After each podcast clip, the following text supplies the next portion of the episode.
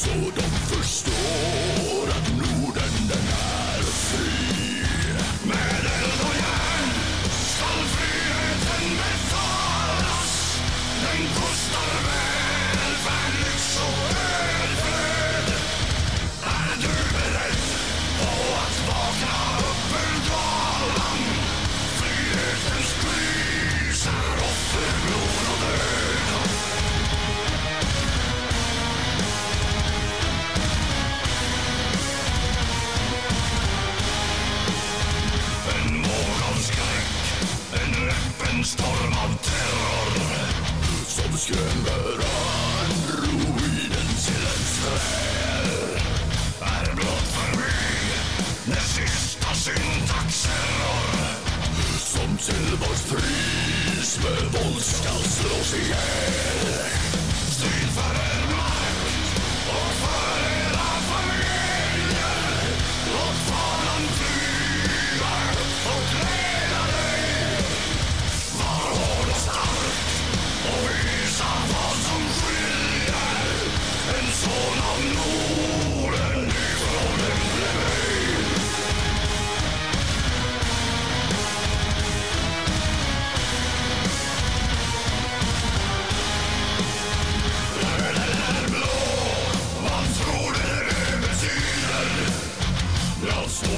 Blodstomma floskler tömda av substans. Vår statschef böjer sig för dem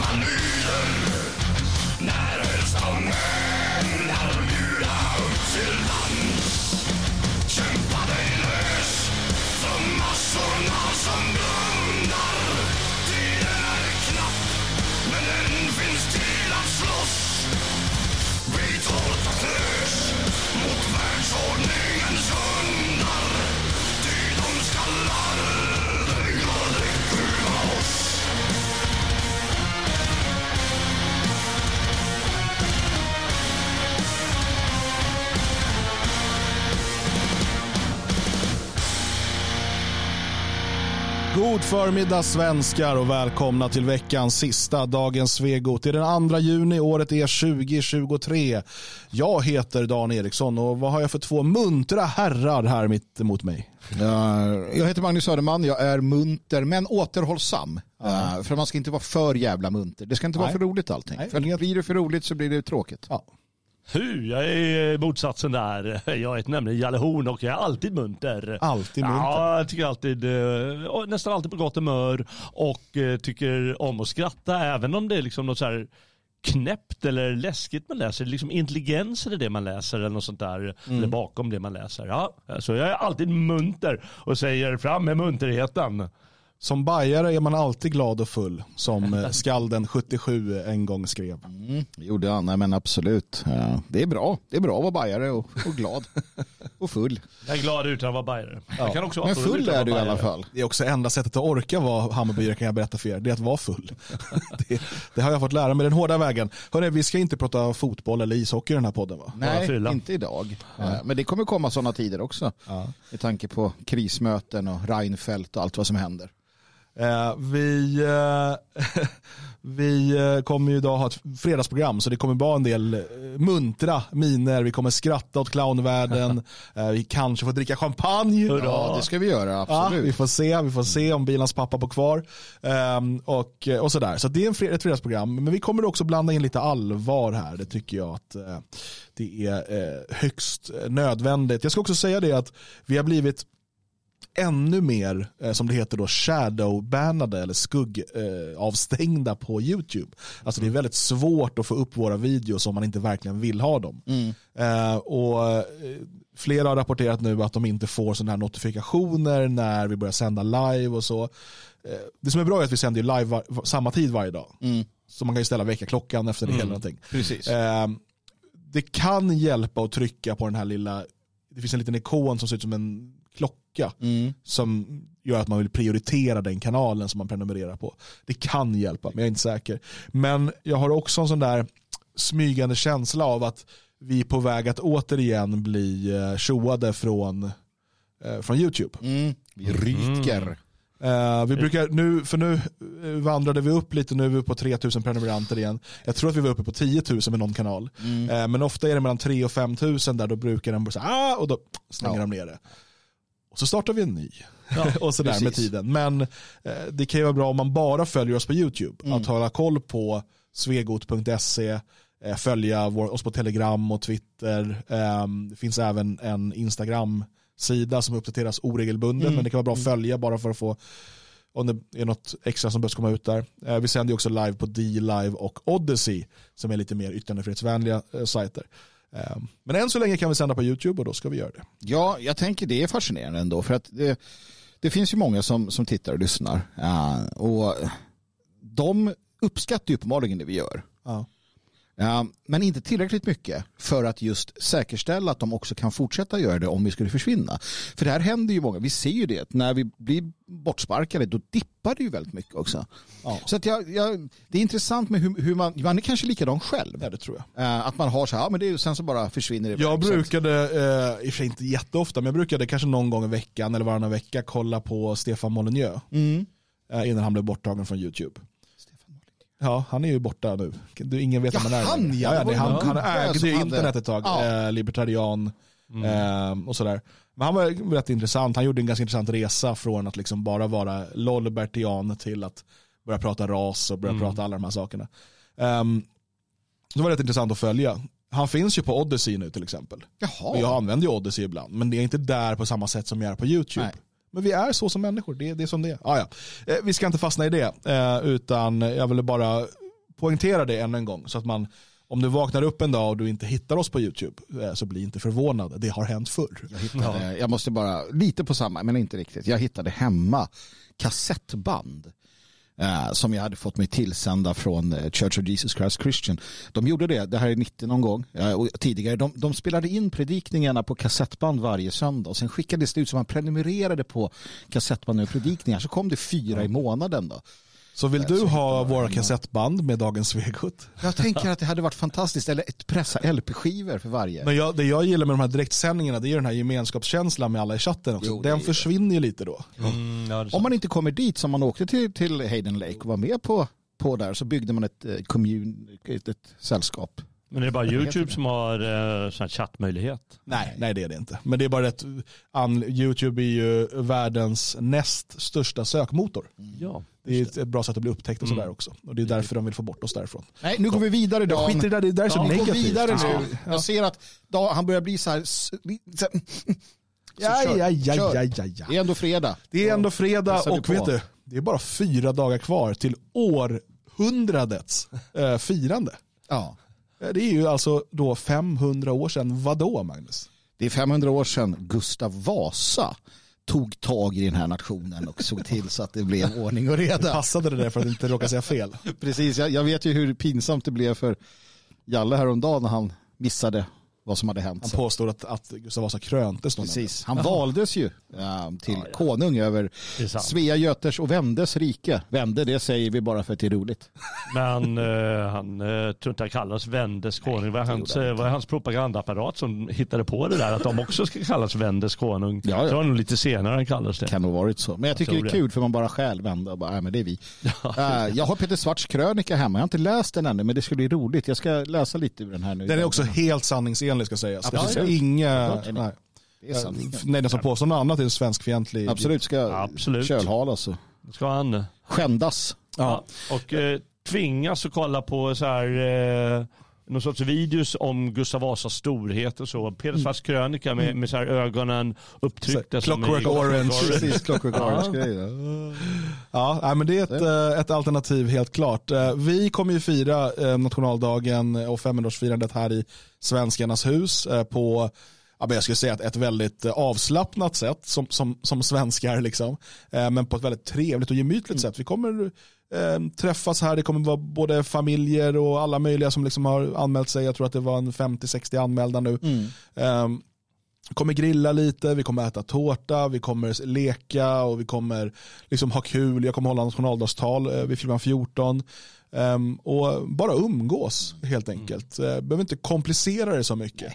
Men just att komma samman och snacka och liksom, eh, låta barnen ha kul tillsammans och sådär. Så att, jag ser fram emot att, få träffa många av er på, eh, på tisdag. Om man vill komma och delta här i Svenskarnas hus på nationaldagen så kan man ju fortfarande föranmäla sig på friasvenskar.se. Eh, och man behöver inte vara medlem i föreningen för att komma, men vi ser jättegärna att man föranmäler sig så att vi vet ungefär hur många som kommer. Nu kan vi säga att tårtorna har redan börjat förberedas. Mm. Mm. Eh, Så att eh, det kan bli panik om det kommer massa anmälningar nu. Ja, Men då får man ta del av annat för det kommer finnas eh, glass och godis och eh, mat. Och... jag vet att eh, Gustav Vasa hade varit lite upprörd över detta. Eh, detta godis. Eh, för det finns brev, jag har en bok med hans brev till sina söner. Och då skriver han till sina söner att de ska ge fan i att äta en massa sött för att de kommer få ruttna tänder. Han uttrycker sig så fantastiskt, Gustav Vasa. Det är slämma hit och det är dit och han ska hudflänga präster och spika upp dem på kyrkportar och så vidare. Men just det här med att ruttna tänderna, så de får inte äta socker, säger han till dem. Fantastisk man som verkligen ville detaljstyra allt. och han visste ju bäst, precis som Fredrik den store Ja. eh, av Preussen. Jag hade ett Gustav Vasa moment igår. Jaså? Jag läste någon ny artikel om att eh, du vet, om- läsk och socker och sådär. Och det var, jag tror rubriken var så här, finns inget bra med det. Eller Nej, något sånt där. Eh, och det var så här vanligt. Så, kom jag bara, så började, blev jag så här, då fick jag mina Gustav Vasa-känslor. och började Mm. Så här, bara, varför får man ens sälja läsk till barn? Varför får vi sälja godis till barn? Nej. Alltså, man har ju så här 15-årsgräns nu på energidryck till exempel. Barn får inte köpa kaffe. Barn får inte, du vet, men de får köpa läsk och liksom godis. Vi hatar våra barn. Ja, men, och sen så går jag på så här, vill jag ha ett samhälle där vi börjar så här, förbjuda allt som kan vara dåligt? Ja. Nej, det vill jag ju inte. Men, så det först bubblade Gustav Vasa inom mig som var så här, för att, sätt 18-årsgräns på skiten. För att, vadå, man får ju inte köpa, man får inte, köpa en, liksom, en flaska vin först till 20. Men Coca-Cola som är lika skadligt för din lever som vin får du köpa när du är liksom, du, kan, du behöver inte ens kunna gå än. Liksom. Du, kan, du kan som nio månader bara kravlar fram och bara, Cola! Mm. Och Man, bara häller ner Ja, i ja, munnen visst, på barnet. Liksom. Nej men alltså jag tänker att eh, det är... Jo, eh, jag tycker att, alltså jag, jag gillar tanken på något sån här upplyst despot. Jag tycker det kan vara rätt kul. Jag tror det är rätt kul. Också skrämmande men också rätt kul. Nyckfullheten Nej, men det är hos inte härskaren kul. som säger nej nu jävlar förbjuder vi de här. Jo men jag tror att alltså, det, det, det funkar ju ändå. Funkar på vilket Vasa sätt? funkar ju bra. Jo, men jo, visst. Men, men eh, frågan är, vill vi ha ett samhälle där, för att det vi såg under corona, det var exakt det här. Att staten ansåg sig kunna, men vi vet vad som är bäst för er hälsa, så nu förbjuder vi er att gå ut. Nu förbjuder vi er att göra det för att maximera hälsan, för att liksom minimera riskerna. Eh, sen hade de fel på alla punkter, men just då tyckte de att de hade rätt. Ehm, och och det, är, det är den typen av förtryck som man öppnar för. Det är den Pandoras ask man öppnar. Och vi har ju redan det till viss del. Vi har ju förbjudit vissa liksom, substanser, vi har 18 20-årsgräns på alkohol i butikerna. Det finns ju redan den här typen av saker. Jag är inte säker på att vi behöver fler utav det. Men ibland bubblar det upp inom mig att man bara "Men!" Så- Men tänk då, ändå spännande, tänk då att du fick den känslan, tänk att Gustav Vasa, han, han var sån.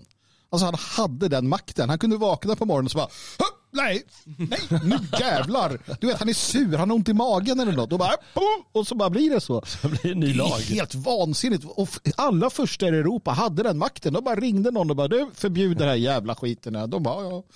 Alltså, det är helt, nej det är ju verkligen absurt. Men det, är- det är spännande att det har varit så att det till del är så. Men det, det, det funkar ju sällan för uh, smuggelkrafterna tar över.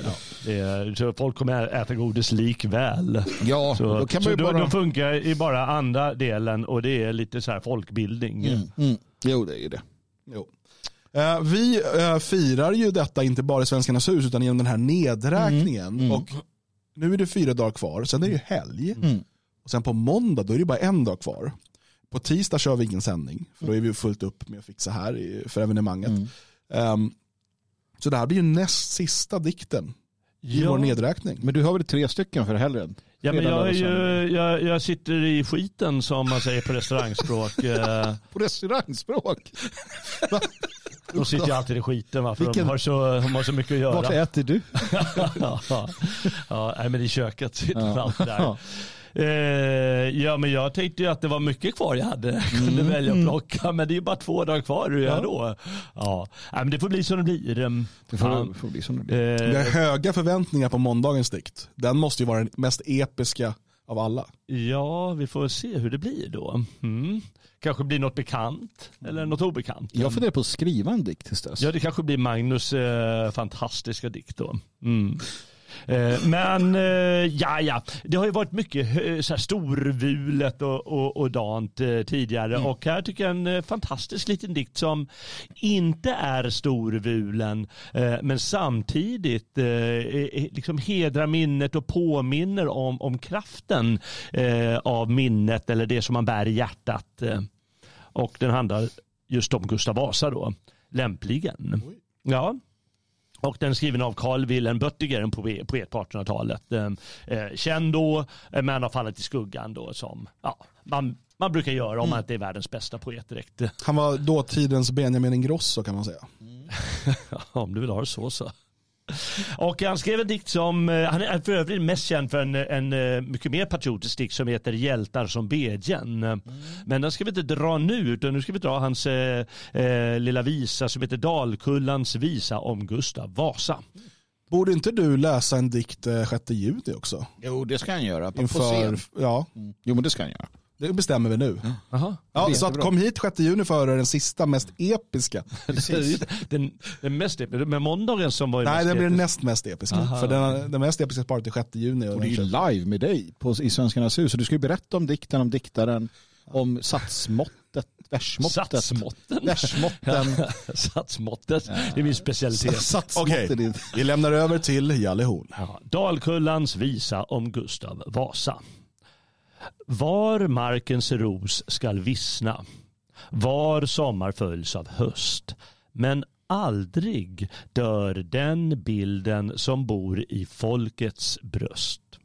I våra berg och dalar han lever ännu kvar, den kungen som oss alla har älskat som en far. Han gick i våra skogar, har tröskat på vår strand. Har han vässat våra pilar, han lossat våra band. Hur skön är kungatronen. Den trotsar stormars hot när så i folkets kärlek den har sin fasta rot. Hur skön är kungaspiran, en himmelsk stråle lik, när till de ringas kojor den tränger hugnerik. Hur skön är kungagraven när den som bor där i har lämnat kvar ett minne som skall välsignat bli. Och välsignat blev det väl, det där minnet. Blev det. Åtminstone eh, i den här tappra skaran. Alltså det finns ju alltid några som, och så länge några, och det är det här som är viktigt att komma ihåg, så länge det finns ett fåtal, en liten, liten eh, spillra män och kvinnor som håller hårt och håller fast så finns det en framtid och ett hopp. Ja, det finns ju en eh, stor religion idag som heter kristendom. Hur många var de där som Mm. Inte följde många. det där till en början? Inte många alls du, en Men 12 de mötte stycken inget motstånd va? Eh, ja, vart ju lite, lite mördade och sådär, några utav dem. Men det var De så bara, här, nej. Så sa de så här, "Ah, jag vill inte sätta barn till den här världen. Tänk vad mycket, tänk vad jobbigt det är, vi är ju förföljda. Och... Ja, vi kan, det här var ju dumt, vi får sluta med det här. Det, det, är ändå häftigt att även i vår förnekande tid så, så lever Gustav Vasas minne kvar eh, som en bland, bland få. Eh, genom att han eh, tragglas i skolan flera gånger om. De kan inte låta bli. Eh, genom att man sänder tv-program om det eller han förekommer liksom på vykort eller vad som helst. Liksom en oförglömlig bild som alla ser framför sig. Det, det enda som är lite ovanligt med Gustav Vasa är den här unga Gustav Vasa, upprorsmannen, när han är 20 år gammal ungefär och, och, och eh, flyr från eh, eh, Christians män och eh, samlar ihop gubbarna i, i Dalatrakten och så. Den är lite ovanligare. Den borde ju komma tillbaka men alla har ju sett den skäggiga härskaren, landsfadern och bestämdheten i blicken och, och allt vad man och liksom man skapats en myt och den bara förföljer oss genom, genom århundraden även om vi är förnekade i vår tid. Inte vi kanske men många. Nu när vi var i Stockholm senast så köpte jag en bok, eh, Vasa rebellen. Eh, och det är ju en ny skönlitterär serie som ska komma och då om familjen Vasa. Eh, och jag har inte börjat läsa den än, men jag tycker det är spännande för den börjar då 1518. Eh, och ja, just den första då, rebellen, vi förstår vad det handlar om, liksom, vilken del av Vasa det är. Eh, sen får vi se hur mycket propaganda är det i den, hur mycket skitsnack är det, men, men att det görs Ja. en skönlitterär serie om familjen Vasa nu som är spänningsroman. Liksom. Det är ju kul och jag hoppas nu att den är okej. Ja, nej, men jag tror att den är okej för han vill ju sälja och då vill han ju ha spänning och då vill han ju ha liksom, kan inte bara vara ruttna budskap. Ja, och kungen han var grinig och Nej. tvingade, eh, tvingade alla att sluta äta godis som ett annat. Ja, men jag, tror att, jag tror att just eh, historiska romaner kan ofta ha en fördel i att eh, författare som kanske känner sig lite tvingade att vara politiskt korrekta för att det är så hoppar du tillbaka ett par hundra år så kan du helt plötsligt strunta i det. Då kan du skriva fritt för att man skriver ju ändå utifrån hur det var då. Eh, och då kan du inte komma med politiskt korrekta pekpinnar och Vasa. Det, det funkar ju inte utan då kan du liksom ja, då kan du vältra dig i en, en mer manlig och morsk eh, attityd. Så jag tror att vi kommer få se mer sånt helt enkelt. För att det är så obenhörligt tråkigt med den politiskt korrekta världen. Alltså Carola skriver i chatten, här, läser den nu, rätt så okej humoristisk. Eh, och, för det kom ju också någon sån här, eh, för det skulle behövas, eller jag skulle vilja se, det är ju ett mellanting, för det, det kommer lite så barnböcker också om Gustav Vasa. Jag minns, det finns någon serie om svensk historia eh, som är, men det är ju, ska jag säga, för typ så här 10, 9-10-åringar. Där någonstans. Men en ungdomsbok, alltså en spänningsroman som är eh, en, en sidvändare. Och jag hoppas att den här är det. Och då menar jag typ alltså nivå med alltså, ja, men så här Arne-böckerna eller sådär. Liksom den typen av, inte så svåra att ta till sig alls. Eh, men liksom ändå inte en barnbok. Och vi får se vad den här har att erbjuda. Ja. Eh, berätta när du vet eh, Ja. så vet man om det är värt.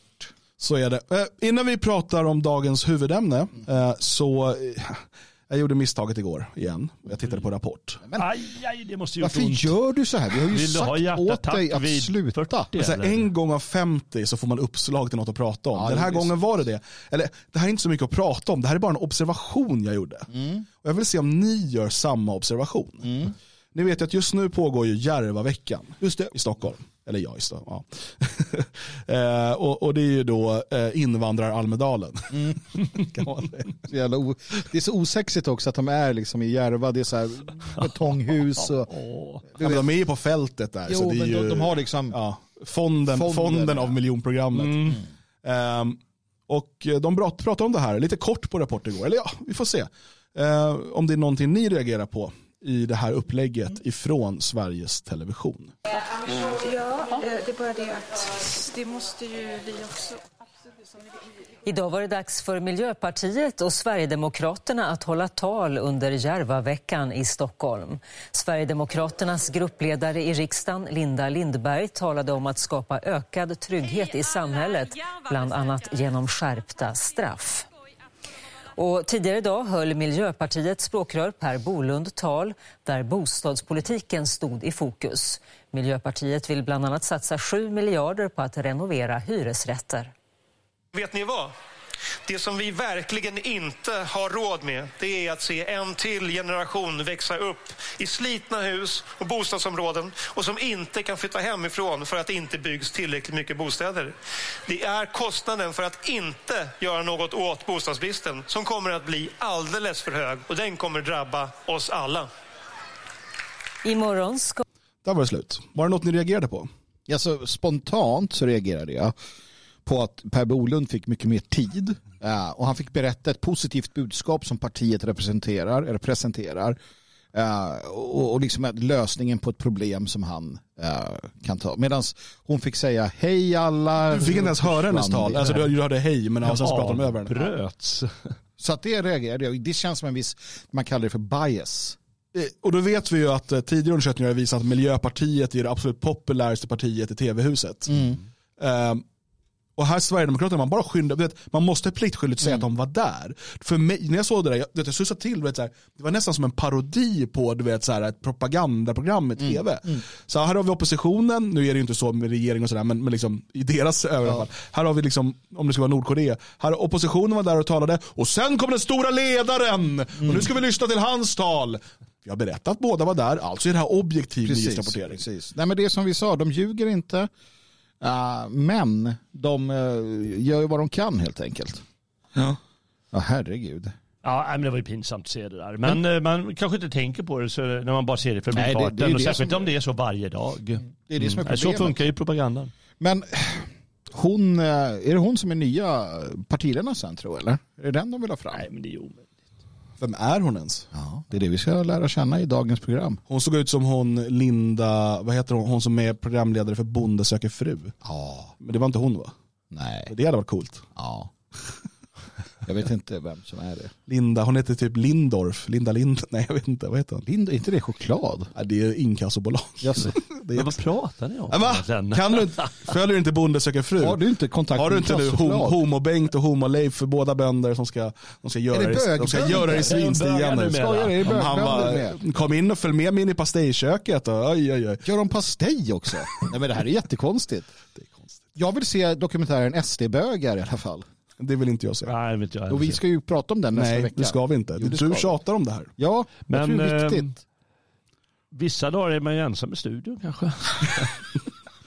Då ska vi prata SD-bögar. Nej, jag har ingen lust att se det eh, faktiskt.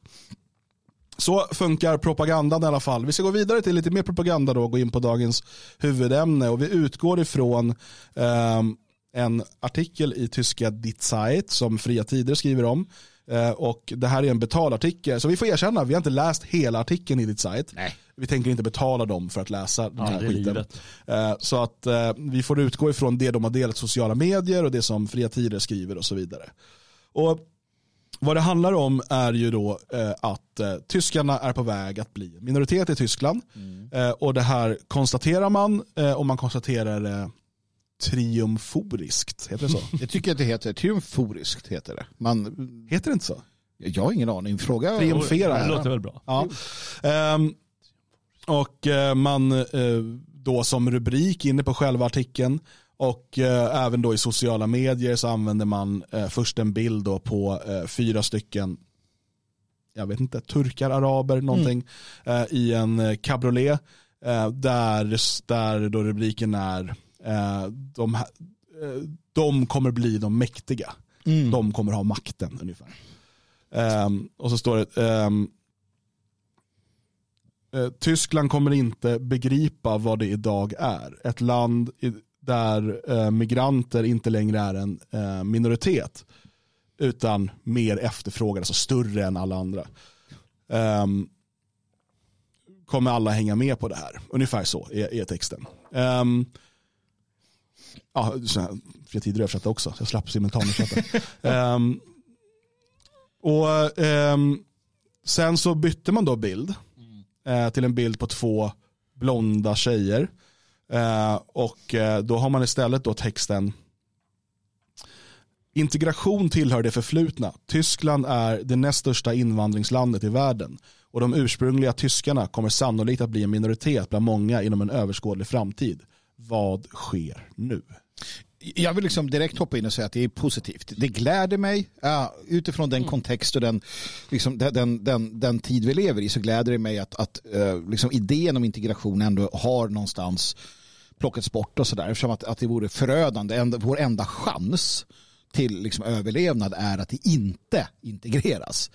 Uh, utan att, att man då uh, istället låter det bli det här splittrade Eh, sammanfallande samhället där alla identiteter hittar sina egna uttryckssätt och sina egna delar, sina egna områden och så vidare. Det är enda chansen för oss att kunna eh, bygga upp den styrka som behövs för att göra en rekonkista. För det är ju det som vi ska göra på sikt. Det kan ta 800 år, 1000 år, men den ska ske förr eller senare. Och kommer att ske, sanna mina ord.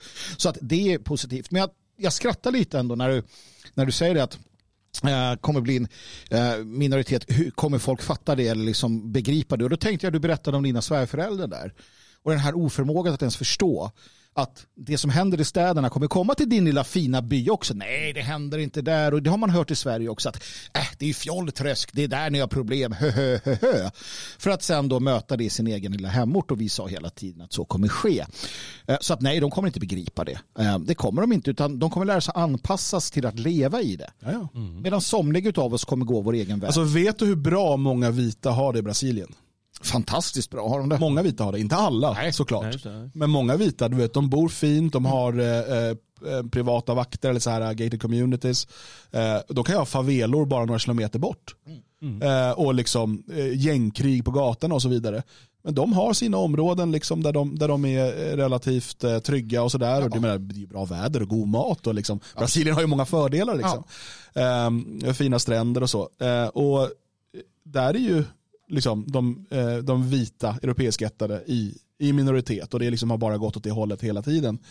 Ehm, och vi, ehm, du kan se det här överallt. Och samma sak, och vi ska prata lite mer om liksom, Sverige och, och Europa generellt och vilka strategier som finns. Men så är det, de, många kommer inte, de kommer väl märka av det, men det sker ju gradvis. Det blir lite så här kokta grodan. Så att, jag menar, hade du tagit någon eh, som gick och röstade på sossarna eller moderaterna 1976 eh, och tagit dem, satt dem här idag och visat dem, då hade de fått en chock. Ja, ja. Men eh, samma personer som kanske 76 gjorde det, de röstade 2022 på samma parti och har gjort det hela tiden. Och de, har ingen, de är inte chockade alls. Ja, det där blivit lite sämre, men samtidigt så har ju det där blivit bättre. Ofta saker som är helt eh, eh, liksom frikopplade från politik. Jo, Visst, det har blivit liksom de här gängkrigen och, och, och vissa skolor har de här problemen. Men samtidigt så har vi smartphones nu och internet. Det hade vi ju inte då, så det har ju blivit bättre. Ja, fast det har inte med politiken att göra. Nej, men det som är sorgligt i våra fall, eh, till skillnad från kanske så här Indien och, och Brasilien och, och Mexiko, länder som, eh, där det är självklart att de har gated communities och man kanske har haft det i hundra år eh, på sina sätt och vis, eh, är ju givetvis den oerhörda frihet vi förlorar. För vi är ju väldigt vana att mer eller mindre kunna röra oss var vi vill. Ja, ja, men jag råkar ha en kompis som bor eh, där borta, men då cyklar jag igenom det här och cyklar igenom Neukölln eller eh, vart det är jag ska. Och det har aldrig varit något problem. Men nu ska vi det blir en oerhörd inskränkning i människors liv när den här formen av frihet tas ifrån oss. Att vi inte kan röra oss på, på många sätt längre. Eller klä oss eh, på många sätt längre. Saker vi eh, mer eller mindre tar för givet att så, så måste det vara. Och det kommer, kommer, det kommer inte komma som en chock givetvis eftersom det sker gradvis. Men det är en oerhört stor Ja, förlust. men du kommer ju, alltså någonting som händer redan nu och det är någonting som man inte sätter samman. Det är oförmågan att förstå eh, hur det hör ihop. Men jag menar, eh, många av oss som, som lyssnar på det här, eller vi själva, eller våra barn, kommer ju de facto dö på grund av att vår sjukvård är så pass försämrad. Vi kommer få fel diagnoser, vi kommer inte, ambulansen kommer inte komma i tid. Och då tänker folk, det har ju inte med det här att göra. Jo, det har med det här att göra.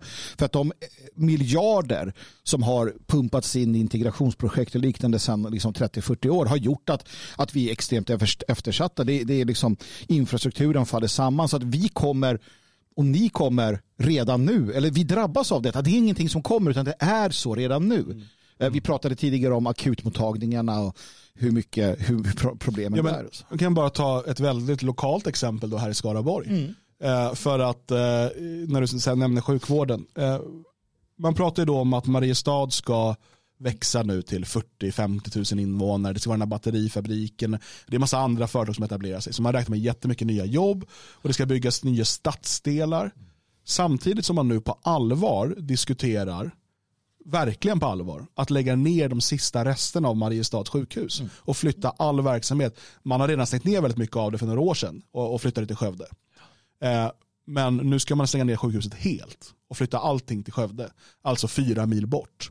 Eh, I eh, eh, nästa stora sjukhus i Lidköping, där går de på knäna eh, och personal från Skövde måste åka dit för att hjälpa till.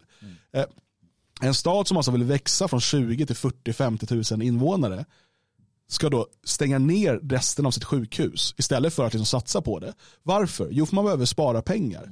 Och vad har då ehm, kommunerna och regionerna för andra utgifter som gör att de måste spara pengar? Jo, väldigt mycket av det är kopplat till massinvandringens kostnader. Så att det här drabb, det är det att folk kanske inte ser de direkta sambanden, men det krävs inte mycket eh, liksom research för att komma in i, och, och se att de här sakerna hänger ihop. Um, och, och för massinvandringen och det mångkulturella projektet och alla dess liksom, skadeverkningar är ett väldigt, väldigt kostsamt projekt. Så att även om du som lyssnar nu kanske inte liksom har gängkriget in, liksom på din gata eller du kanske till och med har dina barn i en nästan helsvensk skola. Eh, liksom det drabbar inte dig fysiskt liksom, på gatan just nu.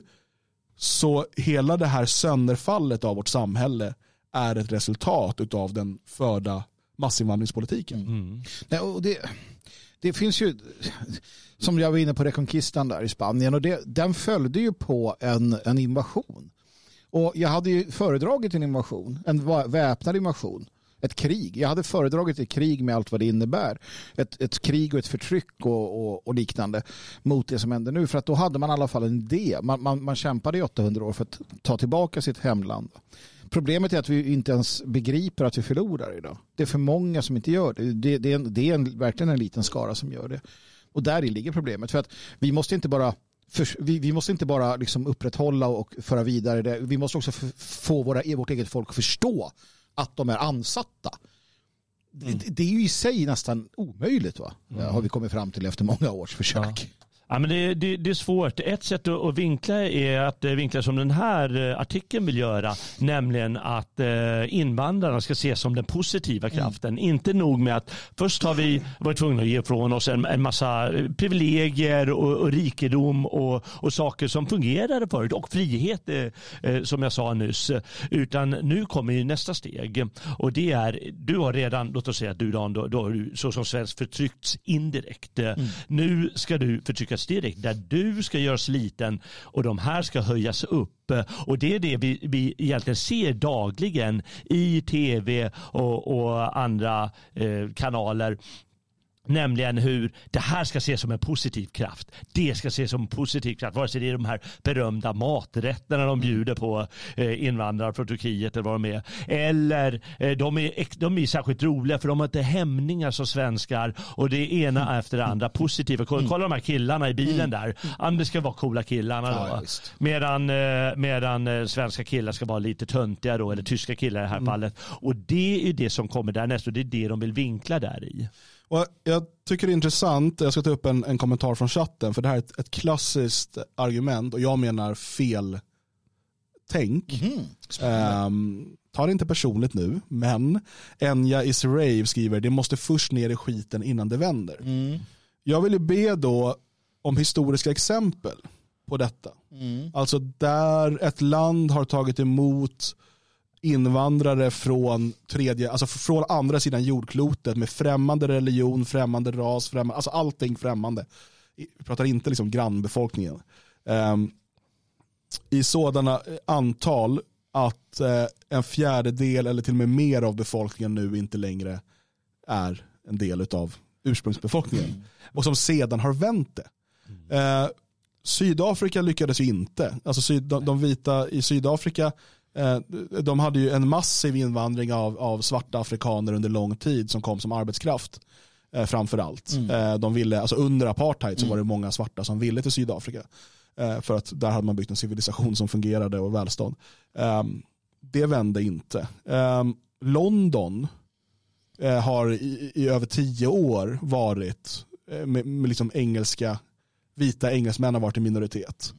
Där har man nu en muslimsk eh, borgmästare eh, och bedriver en mer antivit politik än någonsin. Mm. Så var, vilket exempel finns det? Eh, Kanske i myterna då kan vi hitta någonting. Men, men, Ja, men, men vi kan inte basera, för jag hör ofta det här, och du vet, kom, på den tiden man var mer aktivistiskt lagd, höll på med demonstrationer och sådär och man pratade med bekanta som ändå liksom sympatiserade med oss. Och så här, ja, men när revolutionen kommer, eller vad- den där, då kommer jag vara med er. Du vet, då kommer jag komma på barrikaderna. Och det är precis det här, det är någon typ av eh, messias-idé eller någonting, att det som ska hända, på något sätt så ska det magiskt uppstå en frälsning. Att men- bara det blir tillräckligt illa så kommer folk reagera.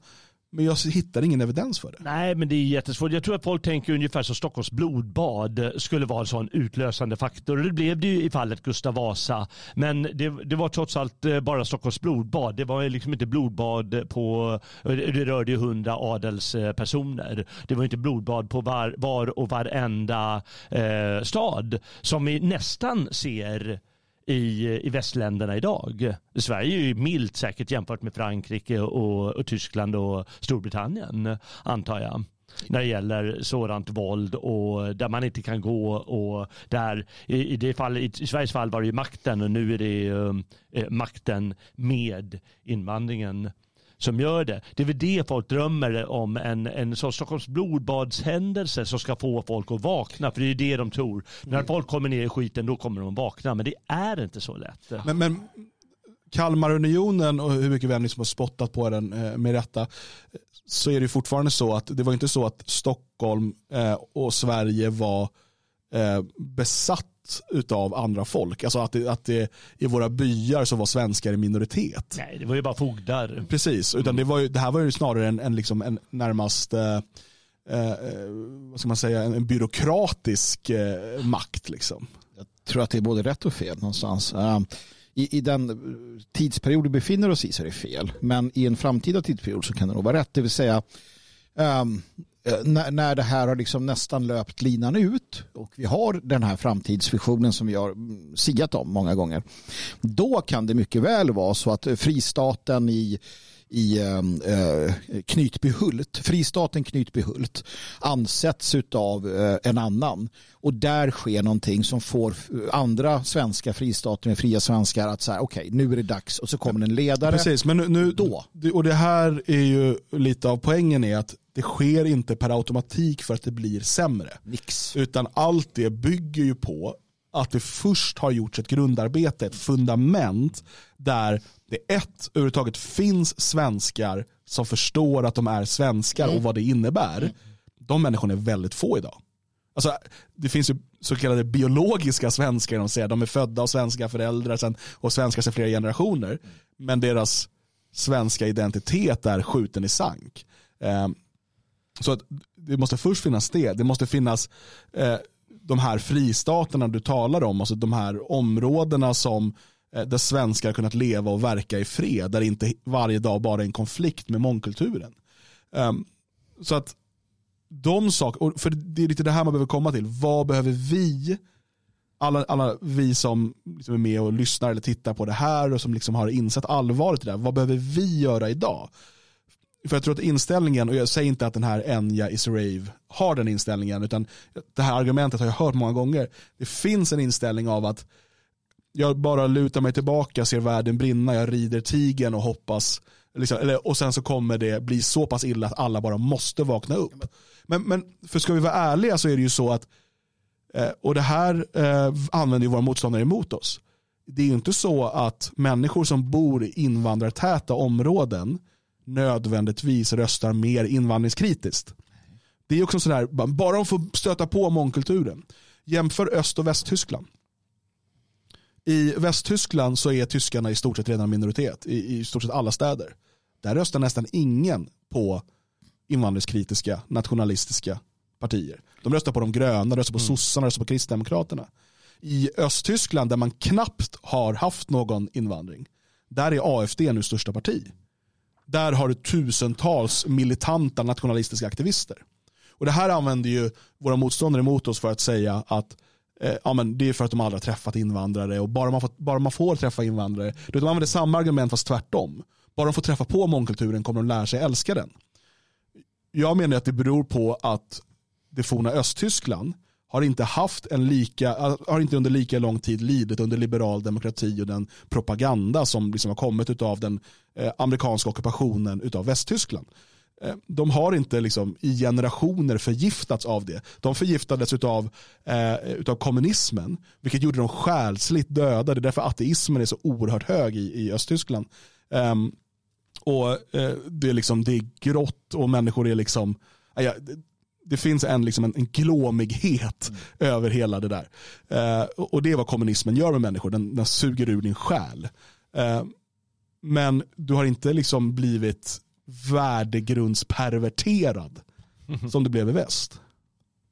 Det vi, det vi kommer se nu och det vi ser till del det är ju att de som, alltså resursstarka människor de kommer ju inte investera i att försvara Sverige eller så, utan de kommer antingen då försvara sig själva i sina, eh, sina gated communities och fortsätta vara lojala mot staten eller så flyttar de från Sverige.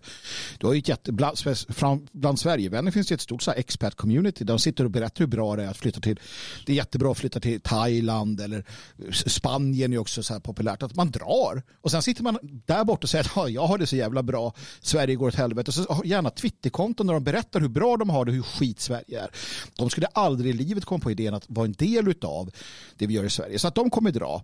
Många kommer bara dra och klara sig själva. Det är en väldigt liten del som känner att ja, men jag, jag offrar mig själv och, och min trygghet och min framtid eh, för att skapa något bra för kollektivet. För att människor är inte sådana längre. Att de bryr sig om folket. Sverigevänner som flyttar, flyttar liksom bort eh, och, och sen sitter och kritiserar på håll.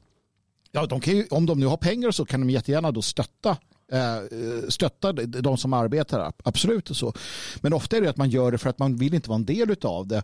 Och man har sentiment, man är sur och grinig över dumma liksom, politiker och sådär. Men man, man tar liksom inte det ansvaret.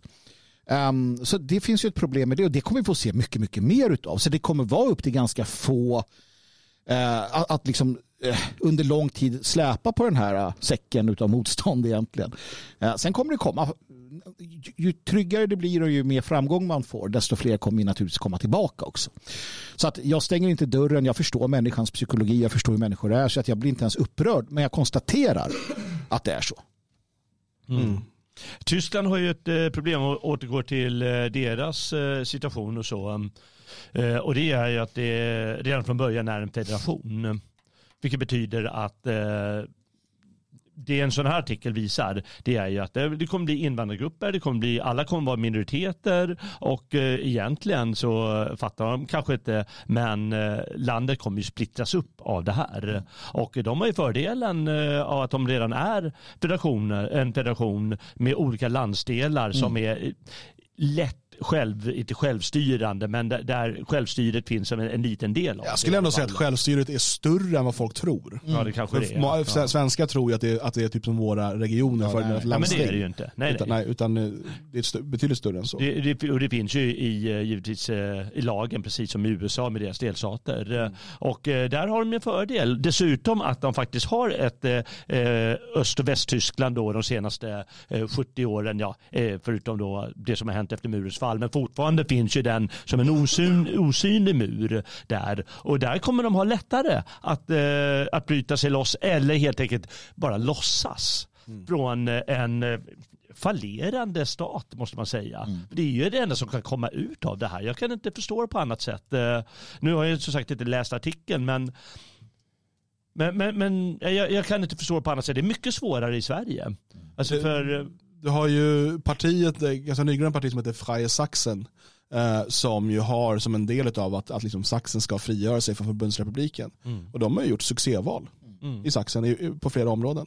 Eh, de har gått framåt väldigt starkt. Så det finns ju också den idén. Och där måste man ju också återigen titta på centraleuropeisk historia. Det är ju inte så att liksom det som nu är förbundsrepubliken Tyskland alltid har varit en naturlig statsbildning. Nej. Just det. Det har ju varit massa olika varianter. Ja, det liksom. har det. det, har det. Men, det men det är väldigt viktigt. Det är eh, bra att du säger det med, med den här Freie-saxen. Eh, hur mycket fick de sa du? jag, jag minns inte nu, det var därför jag inte vågar säga, men Nej, jag vet att de gjorde ett väldigt bra val. Ja, just det. Ja. Ja. Eh, nej, men att det finns ett sån, alltså en sån rörelse kommer upp automatiskt. Eh, att, för det är det naturliga tecknet. Vi vill inte vara med på den där resan. För problemet med den här resan är som vi har sagt här att den, den pågår långsamt som en kokt groda. Och eh, folk jag kände flera i Tyskland områden, ja men, vi, ja, men de jäkla invandrarna. Så. Men de gör ingenting. Och i Berlin är det jättemånga, jättemånga som svär för att det, det har tidigare varit väldigt segregerat, det måste man säga. Men liksom, nu har politikerna uppenbarligen eh, sett till att eh, de ska kvoteras in i alla möjliga bostadsområden här och de går och svär, fan alltså få sin lägenhet. Nu när priserna har gått upp, eh, jag måste kämpa som 17 för att få någonstans att bo. Och så, så tänker de, och antagligen är det så, får den där invandrarfamiljen, de får eh, lägenheten gratis, de får bilen gratis och här går jag som en trashank eller måste kämpa som 17 i tillvaron.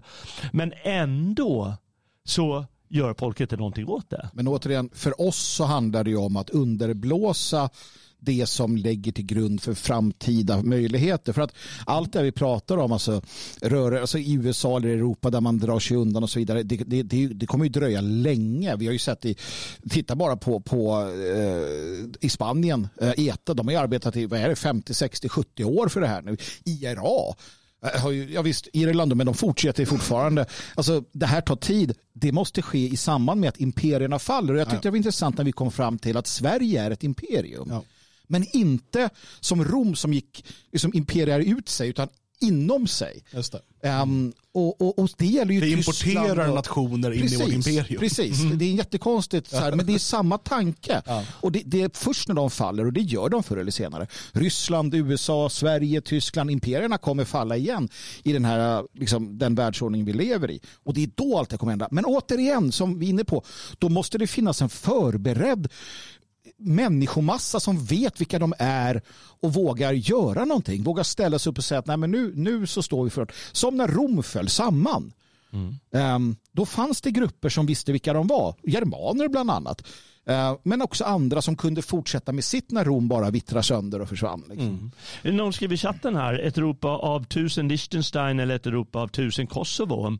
Och det är intressant att se det på det sättet. För det kommer ju, förutsatt att det blir en sån här process, det är ju inte alls säkert det blir det, men, eh, men där, där delstater drar sig ur eller försöker eller automatiskt blir mer autonoma. Det kommer, bli, det kommer finnas massor med Kosovos. Och Ja, det, är självklart, det är omöjligt att förhindra. Men det är därför det måste finnas en massa Liechtensteins också. Och, eh, för att jag, jag ser ju, om man ser på en längre framtid, och vi ska prata lite om vad man gör nu, men, men det vi gör nu gör vi också utav en analys av hur det kommer bli i framtiden och vad som är vad vi faktiskt också till viss del kan önska av framtiden.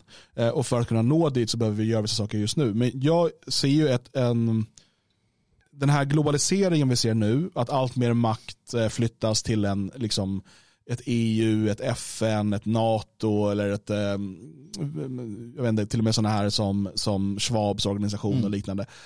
Jag tror att den utvecklingen den kommer fortsätta ett ganska bra tag till. Det kommer. Det kommer vara en del nya liksom, organisationer, nya personer som företräder dem. Men det kommer pågå förmodligen under hela vår livstid och ett tag till efter det. Ehm, men, eh, och, det är viktigt liksom vilket arbete vi gör då, men att någon gång, och det är det vi måste förbereda oss på att vara så bra, så kommer de här, det här äta upp sig själv, precis som alla imperium, och, och, och falla samman. Och där kommer vi då stå inför ett Europa eh, som inte bara är liksom, för att jag ser gärna ett Europa, de hundra flaggornas Europa som man har talat om, eh, den här mm, brittanniska nationalisten, eh, jag minns inte vad heter nu, eh, de hundra flaggornas Europa, liksom de här, de här små, eh, de här mindre nationerna, självstyrande enheterna och sådär. Men vi kommer ju ha, vi kommer ju utöver den liksom europeiska kontexten ha hundratals andra nationer från andra delar av världen som också kommer leva här. Precis. Ehm, och jag ser ju i en sån framtid, och det här kan vara svårt, jag tror att en del svenska nationalister kommer värja, sig emot det här. Eh, Men jag tror att ehm, Arthur Kemp i Nova Europa har, har en viktig poäng. Han försöker forcera det, men, men att vi kommer nog få se nya gemensamma europeiska, germanska, vita identiteter växa fram. Ja. Det svenska kommer finnas kvar precis som det saxiska finns kvar fast också är tysk. Men, och det är därför det här med att flytta, okej flyttar du till Thailand då gör du det bara för att liksom komma undan, jag fattar det. Men, men eh, återigen, det här är ett sånt argument som kan användas av våra motståndare emot oss. Men jag känner ju betydligt mer gemenskap och samhörighet med en, en liksom nationalist i eh, Brandenburg än vad jag gör med en liksom liberal i Västerås. För vi delar betydligt mycket mer värderingar och, och har en gemenskap och förstår varandra och sådär. Därför är den här, för en, en sån här artikel något eh, gott med sig. Och det är ju att ja, men om invandrargrupper, om man lägger fokus på dem, då kommer tyskarna, i det här fallet som blir minoriteten, grupper av dem kommer automatiskt att sälla sig till varandra eller synliggöras för varandra på ett annat sätt. Eh, Och det kommer inte bli samma blandning utan det kommer bli mer segregation. Och det är väl eh, bra på det sättet för då när man, när man får syn på sig själv som grupp, eh, det är först då man vaknar Och jag tror att det där är också en anledning till att svenskarna har haft så svårt att förstå eh, liksom mångkulturen och eh, så här, för, att, för att vi har varit ett så himla homogent land. Vi har inte behövt liksom definiera oss mot någon annan. Det har varit så här självklart, ja, men vi bor i Sverige, vi är svenskar, det, det är liksom inga konstigheter. Eh, och så plötsligt kommer det andra folk och flyttar hit. Och eh, efter andra världskriget så hade vi finnarna, så här, men de, fan, det är en del av gamla riket och det, de är liksom, det är inga konstigheter. Visst de är finnar men de är också svenskar och sådär. Och sen plötsligt så är det liksom jugoslaver och chilenare och turkar och somalier och så, ja jo men vadå, ja de bor ju i Sverige, ja du vet man har inte behövt definiera sig i en mångetnisk kontext som till exempel centraleuropeer har behövt göra på ett helt annat sätt. Mm. Där det liksom är superviktigt liksom med vilken sida av berget din familj kommer ifrån. För då pratar ni till och med olika språk. Ni är båda vita liksom, men ni är olika etniciteter. Det är ingen snack om det. Men Någon som eh, uppmärksammade Stefan Waltersson i chatten här. Såg ni Carl Bildts tweet för en timme sedan? Nationalism är ett gift i Balkan. Jag menar, hur dum får man vara? Karl har ju till och med jobbat där nere som FN-sändebud eller EU-sändebud eller vad, vad, vad nu han var. Jag menar, det är ju helt självklart med nationalism där på Balkan. Det är det mest självklara som finns. Och det är ofrånkomligt och det har blivit än mer ofrånkomligt efter upplösningen och eh, eh, kriget där i forna Jugoslavien. Det är ju så självklart och det är ganska, lite, ganska mycket att inspireras av, om man nu vill ta det i ordet, att den här självklara grupptillhörigheten som, som finns där nere. Även inom ett land och liksom olika regioner och allt vad det är. Och det är ju faktiskt eh, på grund av sådana som honom och NATO som eh, albanerna nu ockuperar europeisk mark. Eh, har getts liksom makten att styra över det. Och det som vi ser nu, vi ska absolut inte fastna där, men i, i Kosovo där vi alltså har områden som är i stort sett helt serbiska. Som nu då ska få albanska, muslimska borgmästare. Ja, just det. Eh, Det är väl klart att serberna inte tänker acceptera det. Eh, För det här var också en del av dealen. Okej, nu hamnar ni på fel sida gränsen, NATO bombade er här, bla bla bla. Ni tillhör nu Kosovo, som nu är Albanien, liksom, på något underligt sätt här. Och det, det är inte Serbien längre. Eh, Men ni serber, vi får liksom, ni får ha re, relativt självstyre i de här. Så går det några år. Ja. Nej, nej, nej, nej, nej, nu ska ni ha albanska borgmästare. Jag är ju varm anhängare av idén om att bättre fly än hela fäkta i många fall. Ehm, ja, det är därför jag säger det att när man, människor, det här med, med Kemps idé där om att vi kommer få se konstellationer, vi kanske kommer få se någon form av folkförflyttningar där svenskar som, som inser eller anser att det här går det inte längre att fäkta, eh, då flyr man och då flyr man till uh, Ungern eller Ukraina liknande områden där, där liksom genpoolen ser annorlunda ut och så. Det kommer vi få se i framtiden. Vi pratar 500 år, 1000 år och det är inga konstigheter. Jag är inte arg, han skriver det här. Det var jag tydligen en i chatten som hade just flyttat till Spanien och berättat varför och hur. Och det är inte det att jag upprörs över detta. Människor gör sina val av olika skäl. Det är viktigt att man alltid försöker göra någonting för vårt folk. Sitter man i Spanien och, och, och lever ett ett bättre liv än vad man hade gjort i Sverige, då får man ju, då får man ju skjuta till på sätt antingen i den spanska nationalistiska liksom, oppositionen eller i den svenska. Inga problem alls. Det är människor som inte gör något som är problemet. Va? Um, så, att, så att allt det där ser jag. Sen, sen, jag vill bara att man ska, och det här är bara, för att förstå att som det är nu så har vi val hela tiden. Det kommer komma en tid då vi inte har val. Om vi tittar till exempel då, till eh, det amerikanska fängelsesystemet eh, på 60-talet där de vita inte längre hade ett val eh, så inser man vart man tvingas hamna när du hamnar i en situation där du är upptryckt mot väggen. Um, och där slutade det med eh, fängelsegäng som Aryan Brotherhood som, som uh, var tvungna att agera för att överleva. Vi är inte riktigt där än i Sverige, men vi kommer hamna där till sist om det fortsätter på det här sättet. Att de, de, de vita minoriteterna blir upptryckta mot väggen. Uh, och, och, jag menar att om vi förbereder oss väl och skapar våra uh, enklaver och liknande så hamnar vi inte ens där. Utan då har vi, då har vi förekommit detta och kan leva mycket trevligare liv och eh, på sikt arbeta fram en lösning än om vi får ryggen mot väggen. Helt sant det du säger och det är det som är eh, argumentet mot att alla ska sitta i skiten plötsligt. Mm. Utan det är att förbereda sig för att inte hamna i skiten. Mm. Det är klart landet i övrigt är ju eh, en form av spillra. Men, eh, men som du säger, har man förberett sig då kan den här gruppen människor, de, de har situationen under kontroll. Ja, men man brukar ibland prata om problemet med dyrkandet av askan. Mm. Uh, och jag får lite känslan av att det är en del som kallar sig nationalister och sådär som sitter och tittar på den där askan och hoppas på något sätt att det ska börja brinna igen. Mm. Liksom. Mm. Bara vi liksom vill det tillräckligt mycket så kommer det här börja brinna. Mm. Men jag tror att vi också måste inse, och det här, jag skrev om det här för många år sedan, men dels, alltså Sverige som nationalstat är död. Jag menar också att den typ av nationalstater som vi såg växa fram de senaste flera hundra år, um, den tiden är förbi. Den kan komma igen liksom, för att saker går i cykler. Men inte i vår livstid. Nej, det kommer Utan vi kommer behöva gå igenom fler den här cykeln. Vi, vi har precis lämnat nationalstaterna mm. bakom oss. Vi har några, ett helt varv att gå runt innan, innan den typen av eh, utan nu är vi inne i någon typ av eh, imperietider eh, och, och liksom de, de orättfärdiga imperiernas tid. Mm.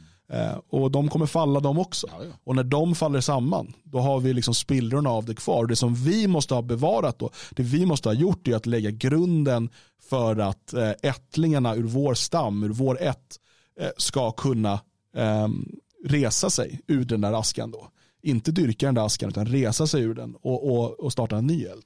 Och, och, och, i det fallet det kanske handlar om att det är en, en stam på ett par tusen individer som är svenskar. Och de, de, bara för att Jalle för tusen år sedan läste in dikter så har de det kvar. De har någon gammal skrultig inspelning så hör de den där farbrorn stå där om De har en mp3-spelare från Jens of Sweden ja, från 1999. Ja. Men, och, och då finns det kvar någonting som annars inte hade funnits kvar. Så vi är ju bevarare i allt väsentligt, bevarare och, och förmedlare. Um, och sen så fortsätta bygga stammen. Det, det, är ju, det är ju det det handlar om. Och stammen är den svenska stammen. En svensk är alltså den som vet att den är svensk, som respekterar dig och kämpar för det svenska. Om du inte kämpar för det svenska, då är du inte svensk. Carl Bildt är inte svensk. Mm. Inte i min definition av ordet. Och det är den som är giltig här. Mm. Alltså, vi fria svenskar, vi definierar vilka som är fria svenskar. Carl Bildt är inte svensk, han är globalist. Sen kan han mm. tycka att han är smålänning och svensk och vad han nu säger. Hallänning, Hallänning kanske, ja. men det är han inte. Nej. Inte så som vi ser och vi har rätt att i vår stam definiera vilka som tillhör den. Han tillhör inte den, han är inte mm. välkommen där. Nej, han blir utsparkad. Ja. Ja, han sparkar ut sig själv, han är inte välkommen tillbaka. Det är enkelt. Men det är lite roligt när vi talar om det där. För, eh, för, för, för länge sedan det var flera jag kände som odlade samma idéer. Ja, men vi måste bygga kloster. Mm. Och eh, liksom, det är precis samma tanke att det klostret är till för att bevara det som håller på att gå i spillror. Eh, när invandringen tar över, men då kommer så mycket fallera och man kommer slänga dem redan nu med, med propagandaapparaten. Mm. Släng det på elden säger de bara. Ja, då måste man eh, ta tillvara och det är precis samma sak med den här nationalistiska rörelsen. Att det är ju att bevara stammen och, och bevara minnet av, av folket som man har. Nej, jag finner det inte för osannolikt, och det skriver jag i min bok om mannaförbunden, att det kan till och med bli så att vi kommer träda in i en period då, de, då det kommer vara alltså hemliga sällskap mm. eh, av frimuristisk natur mm. eller liknande som kommer vara helt dolda från eh, Eh, den, den förtryckande makten, järnhärden, som agerar helt i löndom, helt i hemlighet, eh, som är så att man kanske tror att till och med våra idéer har försvunnit. Men det har de icke gjort. Och det här har, vi har varit där tidigare i historien med, eh, med, med grupperingar som har dolt kunskap för makten som är väldigt förstöraren. Ehm, titta hur muslimerna i IS betedde sig när de kom in i tog över vissa områden. De brände allt, de slog sönder allt i, i, eh, alltså för att helt döda historien. Eh, så att där kan vi hamna igen och så vidare. Vi måste vara förberedda för alla de här olika eventualiteterna och det gör vi om vi har en grund. Vi måste ha en plats som är vår eller flera. Eh, och vi måste våga göra någonting som vi inte har gjort hittills. Det är att vi är en nation Ta bara exemplet Nation of Islam i USA med, med alltså den svarta muslimska rörelsen. De har högt och ljudligt sagt att vi är en nation. Och något vi borde göra i det fria Sverige det är att utropa oss till en nation. De fria svenskarnas nation. En, en, en, en förklaring av att det är vi som företräder den, det är vi som är den. För en nation, mina vänner, det behöver inte vara det Sverige är som nation. Nationen är helt annat. Nation och stat är inte heller samma sak. Absolut inte samma sak. Och det är ett steg vi bör ta med tiden. Och det går ju att vara en del i det här nationsbyggandet. I att liksom verkliga, verkliggöra den här drömmen. Och dels såklart liksom bli medlem i det fria Sverige. Då blir man ju på något sätt en del av den här digitala nationen. Men det går också att göra mycket mer. Och eh, framförallt idag, den möjlighet som finns är att flytta hit till norra Skaraborg, liksom här vid, vid Tivedens rand. Eh, och det finns både byar och städer, mindre samhällen, större samhällen här beroende på hur man vill, hur man vill bo. Det är inte jätteviktigt tycker jag att man bor just bredvid Svenskarnas hus.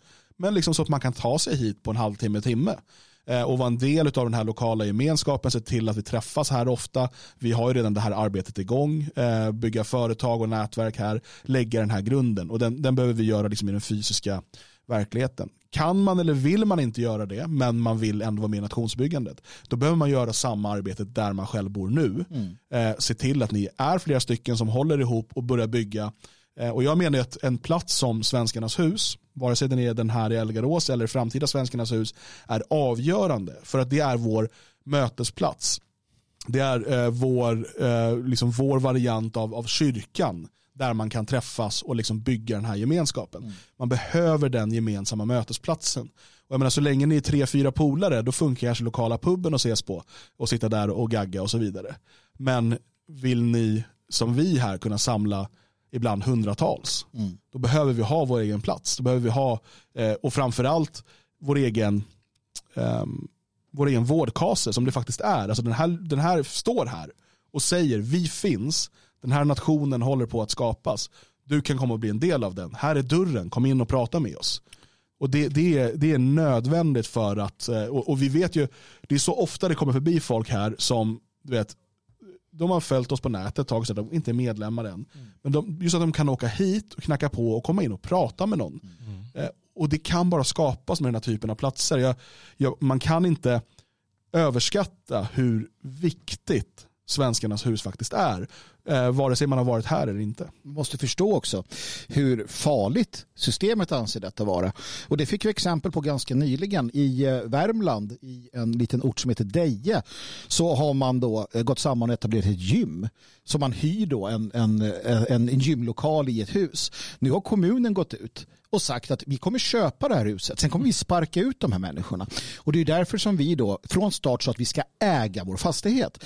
För att det ger ett, en, en, en, en, trygghet i förlängningen. Um, och, och vi står kvar där. Vi kommer inte liksom börja göra den lätta vägen utan det är att man ska äga fastigheterna och det är det som kommer utgöra grunden naturligtvis de här olika svenskarnas hushubbarna. Vi blir inte av med dem. De kommer inte bli av med oss ehm, och, och det är livsviktigt så att strategin ligger ju som sagt och det här är ingenting som vi har gjort i Alltså det här är ingenting som vi bara gjorde i en handvändning. Dan och jag satt i flera år eh, och resonerade kring de här frågorna, tittade på olika andra eh, initiativ och så vidare, och så vidare som vi tog inspiration ifrån. Vi grundade det här tillsammans med människor i Sverige och vi byggt upp det här och nu så visar det sig att vi då blev någon form av inspiration åt eh, eh europeiska nationalister som kommer hit och tittar på vad vi gör. Eh, så det är en intressant utveckling utan tvekan och jag jag ångrar inte för en sekund att vi, vi valde den här vägen. Snarare tvärtom så blir jag för varje dag. Och när jag hör sånt att vi ska köpa huset och sparka ut dem mer och mer övertygad om att det här är det viktigaste vi kan göra. Det kanske inte är det sexigaste, det kanske inte är det coolaste, det kanske inte är de ballaste bilderna på nätet. Men om 100 år, om 200 år så finns det här kvar. Och det är för mig eh, det viktiga. Jag har accepterat tanken på att någon revolution under min livstid, det är väldigt osannolikt. Mm. Mm. Ja, det är viktigt. Så att eh, är det ett folk utan framtid? Verkligen inte. Ett nytt folk med en fantastisk framtid. Så eh, är det helt klart. Hörrni, det är fredag idag. Ja, Härligt. Och vad innebär det förutom att man får bli full lite tidigare? vad innebär det? Ja, men vi kanske ska dricka champagne va? Åh. ja, det kanske är att vi får redan bli fulla vid lunch. Vi får se. I Sverige eller har han flyttat någon annanstans? Ja, det vet vi inte. Då måste vi kolla det här. Eller behöver vi kolla det här? Ja.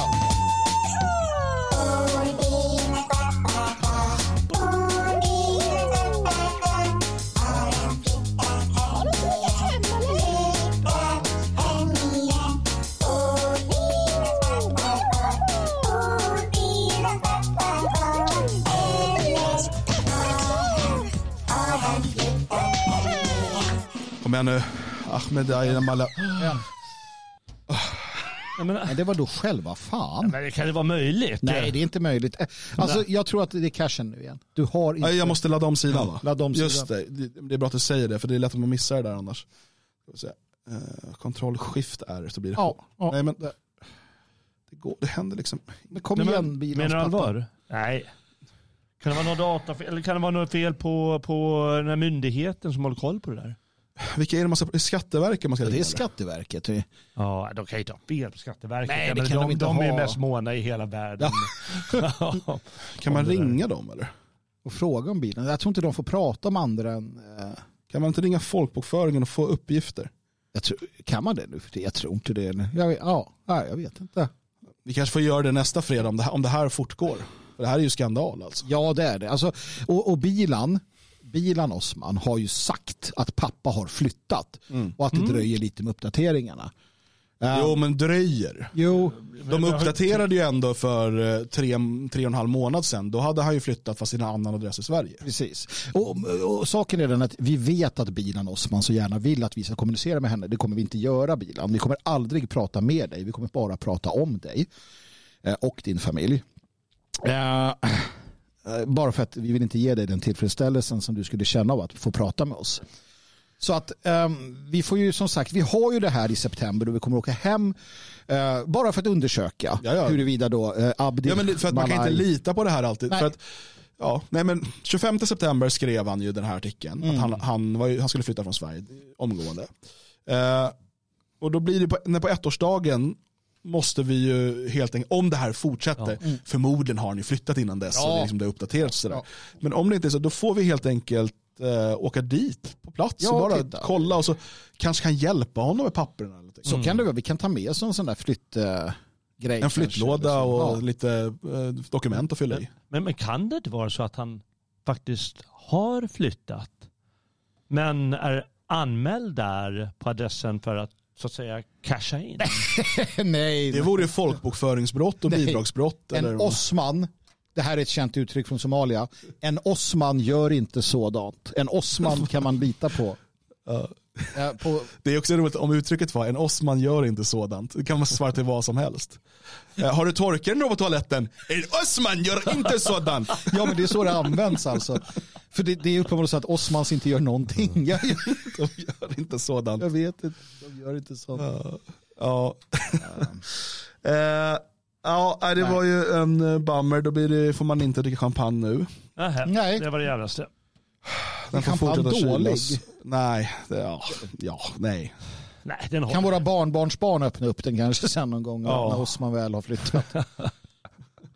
Vi får, eh, ja, vi får fortsätta hålla koll på det där helt enkelt. Ehm, vi hinner inte kolla ut på clownvärlden idag. Nej, vi Vi har, inte hunnit på några veckor till. Nej, vi har några Ja, klipp men till nästa. Vi till nästa eh, har ett möte om eh, tre kvart. Ja, det har vi. Så vi måste till. Ja. Så jag ska försöka få upp eh, det här avsnittet i efterhand till er som Mm. inte var med live.